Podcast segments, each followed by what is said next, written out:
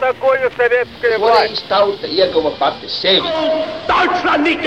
Liktenīgas nejaušības un slēptas likumsakarības, subjektīvas patiesības un objektīvi aizspriedumi.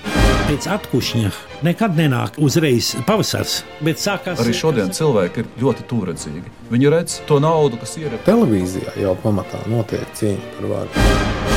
Pagātne no šodienas skatu punkta un šodienas caur pagātnes prizmu.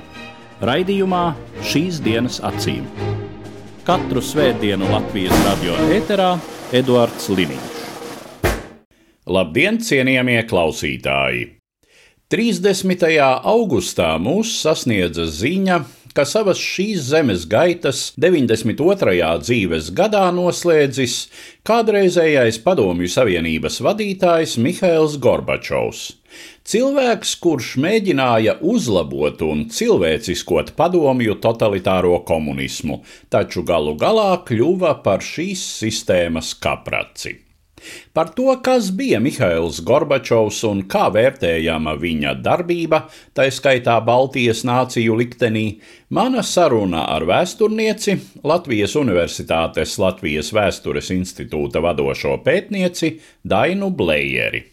Ko mēs varam teikt par Mihaila Gorbačova izcelsmi un to, ko varbūt viņa bērnība, jaunība ir nozīmējusi viņa tālākajām mūža gaitām? Nu, viņš ir cēlies no Stavropolis novada zemniekiem.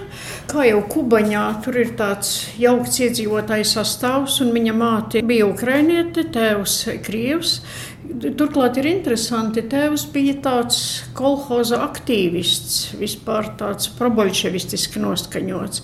Savukārt, vectēvs no mātes puses, mātes tēvs, tas ir bijis tāds pretpadomiski noskaņots un arī bijis represēts kā kulaks. Jau no 15 gadu vecuma Gorbačovs ir strādājis, tēvs bijis kombainieris kolhozā, Gorbačovs ir strādājis pie tēva par kombainieru palīgu. Un strādājis labi, jo 18 gadu vecumā viņš bija saņēmis ordeni par labu darbu. 19 gadu vecumā viņš jau bija uzņemts par partijas kandidātu. Turklāt vidusskola beidzas ar sudraba medaļu. Tas, ka viņam bija ordenis, deva viņam tiesības iestāties ārpus konkursa Maskavas valsts universitātes juridiskajā fakultātē. Un tas, protams, bija tāds nu, liels panākums kolhozniekam no Stavropolis novada. Gorbačova paudze, nu, viņiem varbūt bija nedaudz tādi brīvāki uzskati attiecībā uz to, kas ir sociālisms un kādai vajadzētu būt sociālistiskai iekārtai. Kruščova laika atpūstam bija zināma ietekme uz viņu uzskatiem. Viņi bija nu, nedaudz vairāk izglītoti, vairāk lasījuši, vairāk saprata. Es domāju, ka kaut kāda nozīme varbūt Gorbačova uzskatu attīstībā bija arī patiešām arī tam viņa visai komplicētajam ģimenes vēsturei. Bet tajā pat laikā viņš bez šaubām bija sociālisma piekritējs, lai gan vēlāk viņš sevi pozicionēja kā sociāldemokrātu jau 90. gados. Teiksim, tagad Krievijā ļoti bieži viņu mēģina parādīt, ka antikomunisti un tam līdzīgi, tad, protams, viņš nekad tāds nebija. Viņš bija, protams, par sociālismu, bet par sociālismu ar tādu cilvēcīgāku seju, par efektīvu sociālismu, varētu teikt, par labu sociālismu. Šis viņa kāpums pa partijas karjeras kāpnēm kam, protams, viņam ir acīm redzams potenciāls, tātad ir centība, ir pietiekami intelekta, bet nenoliedzami šādai karjerai bija vajadzīga protekcija. Protams, pirmām kārtām pirmās personas, tātad eh, Padomju Savienības kompartijas ģenerālsekretāra, tajā laikā tas ir Leonīds Brežņevs, kas, cik var saprast, visumā ir simpatizējis Gorbačovam, Nu, bet uh, politbirojā, kas ir galvenā lēmēja institūcija tā laika padomju valstī, ir bijuši gan viņa atbalstītāji un uh, virzītāji, gan uh, arī viņam nelabvēlīgi ļaudis. Ir kādi desmit gadi, kurus viņš vairāk kārt tiek virzīts uz kaut kādu amatu, taču tādu vai citādu iemeslu dēļ tomēr tajā amatā nenonāk un nekļūst arī par politbiroja locekli. Tātad 1978. gadā viņš kļūst par Padomju Savienības komunistiskās partijas centrālās komitejas sekretāru lauksaimniecības jautājumos. Viņš faktiski diezgan ātri kļūst par politbiroja locekli. Jautājums ir, protams, kā viņš no Stavropolis tika uz Maskavu, uzreiz par centrālās komitejas sekretāru. Un, uh, Nu, ir dažādi viedokļi. Tāds izplatītākais viedoklis ir tas, ka aiz tā visa ir stāvējis Jurijs Andropovs. Andropovs bija PSRS valsts drošības komitejas priekšsēdētājs, pirms tam centrālās komitejas sekretārs, pēc tam atkal centrālās komitejas sekretārs, pelotbiroja loceklis visu laiku, un uh, viņš bija pēc Brežņeva arī PSRS valsts vadītājs. Patiešām Andropovs diezgan bieži viesojās Stavropolē. Jāņem vērā, ka Stavropola principā priekškarjeras Maskavā ir tāds strateģiski svarīgs reģions. Tas ir Ziemeļkaukās, priekškaukās. Labi klimatiskie apstākļi. Turklāt tas ir lauksaimniecības rajons. Ja mēs atceramies arī Aleksandrs Nikonovs no Latvijas, kad viņu pēc Nacionālo komunistu sagrāva spēlši izdzina no Latvijas, viņš devās uz Stavropoli, kur kļuva par lauksaimniecības zinātniskās pētniecības institūta direktoru. Un, uh, No šā viedokļa, protams, visi teiksim, Maskavas lielie cilvēki ļoti daudzi atpūtās Ziemeļkaukāza kurortos. Andropovs, kuram bija slimas nieres, vēl jau vairāk.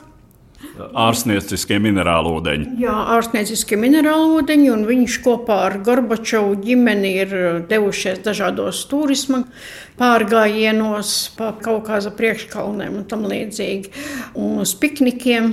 Tā ka viņi principā bija diezgan labi pazīstami. Taču Citi memoāru autori raksta, ka tomēr Andropovs varbūt nebija tas noteicošais, ka varbūt svarīgāka nozīme bija tam, ka Gorbačova priekštecis centrālās komitejas lauksaimniecības sekretāra amatā, ka viņš arī bija no Stavropolis, ka viņš pazina Gorbačovu un ka arī varbūt viņš ir pielicis savu roku šajā jautājumā. Īsti nav skaidrs, kurš tad īsti tas bija, kas viņu īsti bīdīja. Bet katrā ziņā jāsaka arī, ka Gorbačovs diezgan lielas pūles arī bija pielicis, lai, teiksim, veidot labas attiecības gan ar Andropovu, gan citiem lielajiem cilvēkiem no Maskavas. Kad Gorbačovs pārceļas uz Maskavu, stājas šai ļoti nozīmīgajā partijas amatā, tad uh, Drīz pēc tam Padomju Savienībā sākas tas, ko tautā ironiski nodēvē par sacīkstēm uz lafetēm, ja? Gonkina lefietah, respektīvi. Vispirms aiziet no šīs pasaules Leonīds Brežņevs, ilggadējs padomju partijas un valsts vadītājs, seko, kā jūs jau minējāt, Jurijs Andropovs. Viņš ir amatā apmēram gadu, slikta veselība, un pēc tam nāk apmēram tikpat vecs un apmēram tikpat slims cilvēks Konstantīns Černienko. Un uh, tad pēc viņa 1985. gadā Černienko aizejot atkal jau mūžīgā mierā, kad izšķiras tas lielais jautājums, kurš tad būs turpinātājs, kādas tur ir tās uh, aizkulisku spēlītes. Arī jau pēc Andropova nāves Gorbačova kandidatūra tika izskatīta, bet, kā saka, tā vecā konservatīvais spārns politbirojā un centrāla komitejā, acīm redzot, tas tomēr Gorbačovam izrādījās pietiekami daudz pretinieku. Černienko bija ārkārtīgi bēdīgi ar veselību, un faktiski lielāko daļu viņa valdīšanas neilgā laika Gorbačovs lielā mērā kārtoja visas politbiroja lietas. Tā kā pēc Černienko nāves, zināmā mērā viņa kandidatūra nu, bija tāda pats par sevi it kā saprotama. Protams, tur bija diezgan liela opozīcija. Un tas prasīja no Gorbačova puses diezgan daudz un dažādus manevrus, lai šo opozīciju mazinātu un lai panāktu savu ievēlēšanu ģenerālsekretāra amatā. Pirmkārt, jau cilvēks, kam bija ārkārtīgi liela ietekme uz to visu, tas bija ārlietu ministrs Andrejs Gromiko, ilgadējs politbiroja loceklis. Un um, izdevās tomēr Viņam to lietu sakārtot tā, ka Gromiko piekrita kļūt par augstākās padomjas prezidija priekšsēdētāju un piekrita tam, ka Gorbačovu ievēl šajā amatā. Viņam izdevās zināmā mērā neutralizēt arī daudzus no tiem, kas bija pretinieki. Tomēr es domāju, ka galvenais iemesls bija tas, ka arī Politburojā un partijas centrālajā komitejā un vispār PSRS vadībā bija arī tā sajūta, ka kaut kas ir jādara. No sākuma visi cerēja uz Andropovu. Andropovs faktiski tā arī neko neizdarīja, izņemot tādus represīvus pasākumus darba disciplīnas uzlabošanai kas attiecās uz starptautiskajām attiecībām, faktiski Andropova laika attiecības ar Amerikas Savienotajām valstīm un NATO sāsinājās tā kā nekad. Kā tas nebija Brežņeva laikā. Pat. Un bija tāda sajūta, ka kaut kas ir jādara. Nu, es domāju, tā bija vispārēja sajūta visiem Padomju Savienībā, ka, ka kaut kam ir jāmainās tādā vai citādā veidā. Jautājums bija tas, kurš to darīs un kādā veidā tas viss notiks par cik Gorbačovs bija relatīvi jauns. Viņam bija drusku pāri par 50 gadiem. Viņš bija tāds dinamisks, enerģisks ļoti. Tajā laikā viņš radīja tādu iespaidu, ka viņš varēs kaut kādā veidā nu, kaut kādu tādu impulsu dot Padomu Savienībai. Runājot par to vispārējo Padomu Savienības stāvokli, tad tā galvenā problēma ir neefektīva saimniekošana, kas izriet eh, acīm redzot jau tomēr no pašas šīs sistēmas būtības. Šī padomju plānveida ekonomika, no kuras ir izslēgta reāla tirgvedība, no kuras ir izslēgta lielā mērā individuālā iniciatīva. Viena no tām lielākajām problēmām bija, ka Padomju Savienība tajā brīdī jau lielā daudzumā importēja pārtiku, pati nebija spējīga sevi pabarot reāli Naudu ieguva no fosilā kurināmā, tobrīd pirmkārt naftas pārdošanas uz rietumiem, arī parādās gāzes eksports. Eiropa ir atklājusi lielisko Krievijas gāzi tajā brīdī. Tas laikam arī ir tas, eh, pret ko Gorbačovs paklūp. Pirmā iniciatīva, kas tiek nodēvēta par pātrinājumu. Mēs tagad pātrināsimies atradīsim rezerves, īstenosim uzrāvienu, mūsu rūpnīcas ražos vairāk, tikai nav īsti neviens painteresējies, vai to vispār kādam gribas pirkt tajā padomju savienībā. No galvenā problēma, kas acīm redzot uztrauca PSRS vadību, tas bija tas, ka PSRS sāka strauji atpalikt tieši militārā rūpnieciskā kompleksa ziņā, militārās produkcijas ražošanā. Rietumos bija notikusi informatīvā revolūcija. Elektronika kļuva par galveno, varētu teikt, progresa dzinējspēku. Padomju Savienībā, ja teiksim, vēl 60. gados šķita, ka tur vēl vajag tikai drusku tā, drusku pacensties, tad jau 70. gados šī atpalicība bija acīm redzama, un 80. gados jau vienkārši vairs to absolūti nevarēja ignorēt. Bija tāda anekdote, ka Padomju Savienībā ražo vislielākās mikroshēmas pasaulē. Sākās robotizācija rietumos, viscaur padomju savienībā to nekādi nevarēja paveikt. Protams, bija problēmas ar iedzīvotāju apgādi ar pirmās nepieciešamības precēm, iedzīvotāju apgādi ar pārtiku, bet principā tās visu laiku bija bijušas problēmas padomju savienībā. Tas varbūt nebija tas, kas visvairāk uztrauc, ja kaut kāds, kaut kāds minimums jau tika saražots, bet tieši tas, ka sāka atpalikt strauji no amerikāņiem. ASV prezidents Ronalds Reigans izvirzīja tā saucamo zvaigžņu karu iniciatīvu, par kuru pētnieki saka, ka nu, faktiski jau īsti nemaz tādu kosmiskās aizsardzības programmu netika izstrādāta ASV, un tas bija diezgan nereālistiski vismaz to laiku. Bet tas uzreiz Padomju Savienību nostādīja faktu priekšā, ka viņai bija jāliek kaut kas pretim, un izrādījās, ka viņi nevar likt pretim. Un mēs, ap citu, redzam šīs atpalicības sekas šodien, kad izrādās, ka Putina karaspēks Ukrainā karo ar 50. un 60. gadu ieročiem. To ieroču tika saražots ārkārtīgi daudz, bet kvalitatīvi atbilstoši pasaules bruņojuma ražošanas tendencēm, to nevarēja saražot. Tur vajadzēja elektroniku, tur vajadzēja datorizāciju, tur vajadzēja daudzas citas lietas, kuras Padomu Savienība nespēja nodrošināt. Un tas bija, protams, tas, kas piespieda arī konservatīvo vadību, tiksim, politbiroja locekļu daļu vai centrāla komitejā, gan arī rūpniecībā, kas, kas piespieda viņus tomēr kaut kā. Nu, ka vajag kaut kādu dinamiku piešķirt padomju ekonomikai. Problēma bija tā, ka no sākuma principā uzskatīja, ka pats galvenais ir piešķirt kaut kādu impulsu, lai viss notiek ātrāk. Tieši tāpēc runāja par pātrinājumu.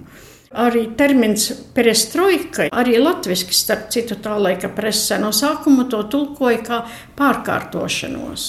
Tikai vēlāk tas kļuva par pārbūvi 1987. gadā pārkārtoties, efektīvāk strādāt, ražot labāku produkciju un tam līdzīgi. Bet no tā nekas prātīgs nesanāca. 85. un 86. gads šajā ziņā bija absolūti teiksim, zaudēti gadi. Gorbačovs sākumā lielākos panākumus guva ārpolitikā, kur viņš izvirzīja tā saucamo jaunās domāšanas ideju, bet iekšpolitikā praktiski no sākuma šie panākumi bija ļoti minimāli. Un tos noteica gan inerces sistēmas, gan patiesībā ļoti liela pretestība partijas aparātā viscaur. Lai kaut ko panāktu kaut kādā veidā salauzt šo pretestību, nu, tad tika izvirzīts lozungs par glasnesci, par atklātību. Tātad kritizēsim visus, kas mums traucē virzīties uz priekšu, kas savukārt atvēra savu veidu Pandoras lādi, kura lielā mērā noveda pie tā, ka padomju iekārta tika diskreditēta pilnībā. Jā, jo tie pirmie soļi bija tiešām kritizēsim tos, kas nepareizi dzīvo šobrīd Nu, tad vienu brīdi šķita, ka nonāks atpakaļ kaut kur Hruščovā atkušņā līmenī, atmaskos vēlreiz slikto Staļinu un uh, atgriezīsies pie saknēm, pie Leņķina, kurš visu ir domājis pareizi. Bet nu, tā kā tā Pandoras lādīte bija atvērta, tad sāka jau lasīt arī to, ko Leņķins ir rakstījis, un sāka skatīties, kas tur ir noticis arī tajos pirmajos revolūcijas trauksmainajos gados. Nu, un tā sacīt, nacionālajās nomalēs šai vispārējā plūsmā uzpeldēja arī jautājumi par to, teiksim, konkrēti Baltijā, kā tad Baltija ir nonākusi Padomju Savienības sastāvā. Un tas jau nu bija radikāls lūzuma punkts. Jā, ja ekonomiskās problēmas, militāri rūpnieciskā kompleksa problēmas, korupcijas problēma, Gorbačovs pietiekami labi apzinājās, kad stājās amatā 1985. gadā, ka šādas problēmas ir jārisina. Attiecībā uz nacionālo jautājumu, uz Nacionālo republiku noskaņojumu un tam līdzīgi man ir aizdomas, ka viņam nebija nekāda īsta skaidra priekšstata, kas tur īsti notiek un ko patiešām šajās Nacionālajās republikās cilvēki vēlās. Viņi uzskatīja, ka visā Padomju Savienībā padomju vara ir pietiekami nostiprinājusies, ka šī sistēma ir ieaugusi cilvēkos un ka nekādas pretestības te nevarētu būt vispār. Tas bija ļoti negaidīti, ka izrādījās, ka pēkšņi paceļās jautājums par Molotova-Ribbentropa paktu, paceļās jautājums par to, kā tad, teiksim, Baltijas valstis ir nokļuvuši Padomju Savienības sastāvā un ka vispār mēs negribam būt Padomju Savienības sastāvā pirmie lielie nemieri tādi uz nacionālā jautājuma pamata bija 1986. gada decembrī, tāpēc, ka par um, Kazahstānas kompartijas pirmo sekretāru tika nozīmēts Genādijs Kolbins, Krievs. Viņš vadīja pirms tam Ujanovskas, ja nemaldos, um, tas ir Samāras ja, partijas organizācija. Un Kazahi bija sašutuši par to, ka Krievs, kuram vispār nav nekāda sakara ar Kazahstānu, tiek nozīmēts par viņu republikas vadītāju. Jā, Gorbačovs varbūt tā labi bija domājis tādā ziņā, ka Kazahstānā, tāpat kā daudz kur citur, Centrālās Āzijas republikās bija ļoti augsts korupcijas līmenis, un ka cilvēks no malas, ka viņš labāk spēs ar to cīnīties un tam līdzīgi, bet viņam absolūti nebija ienācis prātā, cīm redzot, tas, ka Kazahi to var uztvert kā apvainojumu, sāka protestēt studenti. Izraisījās diezgan liela nemieri, nemieri tika apspiesti visai asiņaini ar iekšējā karaspēka un omonu palīdzību. Un līdz šai dienai īsti nav zināms, cik tur bija upuru, oficiāli tikai laikam divi, bet patiesībā cilvēki runā par simtiem un varbūt pat tūkstošiem upuru. Tā kā tas bija jau pirmais tāds zvans, kas parādīja, ka šajā ziņā varētu būt ļoti lielas problēmas. Un tās problēmas raisījās visur. Tās bija aizkaukās republikās, tās bija Baltijā, tās parādījās eh, Moldovā un daudz kur citur. Parādījās arī Karabahas problēma, kas arī ir ļoti sarežģīta problēma. Un izrādījās, ka principā Maskava vispār un Gorbačovs tajā skaitā nav gatavi un nespēja risināt šo problēmu. Džini tika izlaisti no pudeles, un izrādījās, ka to džinu ir daudz. Izrādījās, ka tādas burkas, kurās viņas varētu sacīt atpakaļ, vienkārši nav iespējams atrast. Tā bija viena teiksim, tāds smags pārbaudījums, kas galu galā arī noveda pie Padomju Savienības sabrukuma. Protams, tā nebija vienīgā lieta, bet tā bija diezgan būtiska lieta. Tieši tas, ka viss tas, kas bija noslēpts, kas stāvēja zem kaut kādas preses un teiksim, draudēja ar represijām, jebkāda nacionālā jautājuma pieminēšana vai kaut kāda vietējā lokālo interešu izvirzīšana pār Maskavas interesēm. Tas pēkšņi izrādījās, ka tas viss ir ārkārtīgi svarīgi. Man ir tāda sajūta, ka Gorbačovs līdz pat Padomju Savienības sabrukumam patiešām īsti šo jautājumu neizprata līdz galam. Ir tiksim, attiecībā uz Baltijas valstīm. Jau pēc tam, kad Baltijas valstis paziņoja par savas neatkarības atjaunošanu, teiksim, tā viņa vilcināšanās un nevēlēšanās kaut kādā veidā uzsākt sarunas par neatkarības atzīšanu, centieni pierunāt, tomēr piedalīties jaunā savienības līguma noslēgšanā un tam līdzīgi. Un arī atmiņas liecina par to, ka viņš patiešām nesaprata. Ja, nu, nu, kāpēc tā? Nu, kāpēc? Jums taču nebūs labāk.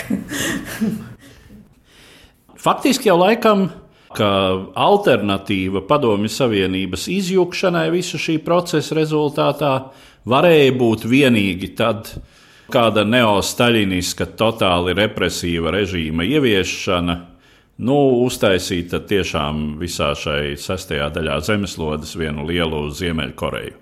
It kā vēsturniekiem nav labi runāt, kas būtu, ja būtu, bet, protams, ja Gorbačovs nebūtu nonācis pie varas, daudzajādā ziņā viņš varbūt bija vājš, viņš rīkojās nekonsekventi. Taču, ja, piemēram, nu, kaut kāds nu, Jēgors Ligačovs, kas arī bija viņa sāncens apmēram tajā laikā, nu, varēja mēģināt to padomu savienību noturēt, iekārtu šo, noturēt uz kādu laiku. Pilnīgi iespējams. Nu, vai arī, ja būtu arī 91. gada augusta apvērsums, būtu bijis sekmīgs. Nu, jā, varbūt dažus gadus Padomju Savienība varēja noturēties, bet tas nozīmētu ekonomisku, un militāru un visāda citāda veida degradāciju un diezgan strauju degradāciju. Man kaut kā negribās ticēt, ka līdz šim laikam, piemēram, 30 gadus, būtu šī valsts spējusi noturēties. Ziemeļkoreja tomēr ir maza valsts relatīvi, bet iedomājieties visu milzīgo padomu savienību, un ja pieaug ekonomiskās problēmas, etniskās attiecības sāsinās, ekoloģiskās problēmas, viss, kas bija sakrājies, tam visam vajadzēja būt kaut kādai izējai. Un tā agri vai vēl, jā, varbūt varēja uz gadiem pieciem, varbūt uz desmit gadiem varēja, varēja paildzināt. Bet tas arī viss. Daudzi saka, ka viens no iemesliem, kas pasliktināja Padomu Savienības ekonomiskā stāvokļa 80. gadu vidū un otrajā pusē, bija tas, ka samazinājās naftas cenas pasaules tirgū. Protams, tas bija liels trieciens padomju ekonomikai, kura faktiski tikai pateicoties naftai arī spēja kaut kā turēties virs ūdens un daudz maz nodrošināt cilvēkus ar pārtiku un visām citām pirmās nepieciešamības precēm. Bet tie, kas dzīvojuši tajā laikā, atcerās, ka toreiz bija pat tādas lietas kā toaletes ziepes, bija kļuvušas par šausmīgāko deficītu un nerunāsim par daudzām citām lietām. Šī iekārta vairs nebija dzīvot spējīga ilgtermiņā, nekādā ziņā. Gadi desmit, jā, varbūt desmit, nu, maksimums 15, varbūt varēja izvilkt, bet ne vairāk. Bet tad tās problēmas būtu samilzušas, es teiktu, vēl vairāk. Un es nezinu, kādā stāvoklī mēs tad būtu un, teiksim, kādā veidā šī padomju savienības sabrukums notiktu. tas, ko daudzi tagad uzskata par Gorbačova nopelnu tas, ka Padomju Savienība ir sabrukusi miermīlīgi, kas gluži nav taisnība patiesībā. Bet, protams, ka šie asiņainie konflikti tomēr bija diezgan nu, sporādiski, lokāli. Tie nepārvērtās tādā vispārējā pilsoņu karā, visi pret visiem, kā tas varēja arī notikt. Tā kā mēs nezinām, kā tas viss būtu beidzies, bet katrā ziņā varbūt svarīgi ir tieši tas, ka Gorbačovs, ja arī viņš nezināja, ko darīt, tad vismaz viņam bija kaut kādi zināmi principi, pie kuriem viņš pieturējās. Un viens no tiem principiem bija tas, ka visam pēc iespējas jānotiek miermīlīgākā ceļā. Jā, bija Viļņas notikumi, bija notikumi Rīgā 91. gadā, kur acīm redzot, es nedomāju, ka tas bija bez Gorbačova ziņas. Bet tajā pašā laikā, nu, acīm redzot, viņš apmēram tā, nu, nu, jūs pamēģiniet, ja iznāks, tad būs labi, ja neiznāks, es neko nezinu, un vispār tad mēs tālāk neiesim. Un mēs atceramies, ka 90. un 91. gadā Gorbačo ārkārtīgi nemīlēja Baltijā. Baltieši, pamatiedzīvotāji, bet tajā pašā laikā nemīlēja arī interfronti, tāpēc, ka viņš atteicās tomēr ieviest prezidenta pārvaldi, respektīvi karastāvokli, un apspiest ar spēku neatkarības kustības Baltijā. Un no šā viedokļa bez šaubām Gorbačova loma tomēr tā kā sava veida buferim, kas mēģināja kaut kādā veidā nepieļaut tādu galēju notikumu attīstību. Lai gan jāsaka, varbūt tas nebija gluži viņa paša vēlme, cik tas arī, ka viņš nedrīkstēja arī sabojāt attiecības ar rietumiem, ka viņam visu laiku nācās laipot starp tiem, kas pieprasīja, ka vajag beidzot darīt galu tai baltiešu nepaklausībai un, un vispār visiem liberāļiem un demokrātiem un neatkarības piekritējiem vienkārši ar viņiem izrēķināties. Un starp rietumu prasībām nepieļaut asins izliešanu, nepieļaut kaut kāda veida ekscesus un tam līdzīgi. Bet galu galā nu, tas tomēr noveda pie tā rezultāta, kas varbūt bija visoptimālākais. Spriežot par Gorbačovu personības raksturu, katrā ziņā viņš nebija fanātiķis. Viņš nebija teiksim, radikāls, marksists, padomists līdz tādam līmenim, kā būtu gatavs par to tiešām liet tūkstošu un varbūt miljonu asinis. Respektīvi, viņā bija pārāk maz tā nerva, kas bija tomēr klātesoša Ļeņinam, Staļinam, un bez kura šādu valsti nevarēja nedz uzbūvēt, nedz arī galu galā uzturēt. Jā, protams, jo šī sistēma spēja turēties tikai uz represijām vai represiju draudiem. Gorbačovs nebija gatavs pielietot plaša mēroga represijas un asiņainas represijas. Tas arī noteica to, ka viņš arī nespēja tomēr tos procesus vairs kontrolēt. Nu, dažkārt mēs salīdzinām Padomju Savienības sabrukumu, piemēram, ar Ķīnas notikumiem tajā pat laikā. Ķeņemiņas laukumā studentu demonstrācijas vienkārši ar tankiem iznīdēja. Un, jā, pirms tam un pēc tam Ķīna sāka ekonomiskās reformas kompartijas vadībā. It sevišķi Krievijai ļoti daudz, kas uzskata, ka šāds ceļš būtu bijis daudz labāks arī Padomju Savienībā. Bet tas neņem vērā šo Nacionālo republiku un nacionālo jautājumu nozīmi. Tā ka varbūt Gorbačovs izrādījās īstais cilvēks īstajā laikā, lai beidzot pieliktu punktu šim padomju sociālistiskajam eksperimentam. Gorbačova attieksme un nostājai bija ļoti būtiska nozīme tajā ziņā, ka PSRS satelīta valstis Eiropā, tā saucamā sociālisma nometne, kas sabruka ļoti ātri un ļoti miermīlīgi.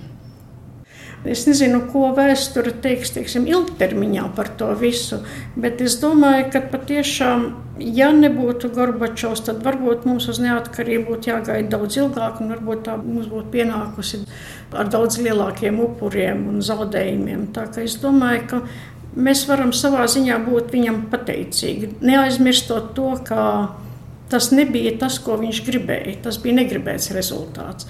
Krievu rakstnieks Dmitrijs Bikovs pirms pāris dienām teica, ka Gorbačova galvenais nopelns ir tas, ka viņš nemēģināja apturēt vēstures procesu. Līdz ar to izskan mūsu saruna, kas bija veltīta 30. augustā mūžībā aizgājušajam kādreizējam Padomju Savienības vadītājam Mihailam Gorbačovam. Mana sarunbiedre bija vēsturniece, Latvijas Universitātes Latvijas Vēstures institūta vadošā pētniece Daina Blējere. Uz redzēšanos, cienījamie klausītāji! Katru svētdienu Latvijas radio viens par pagātni sarunājas Eduards Liniņš.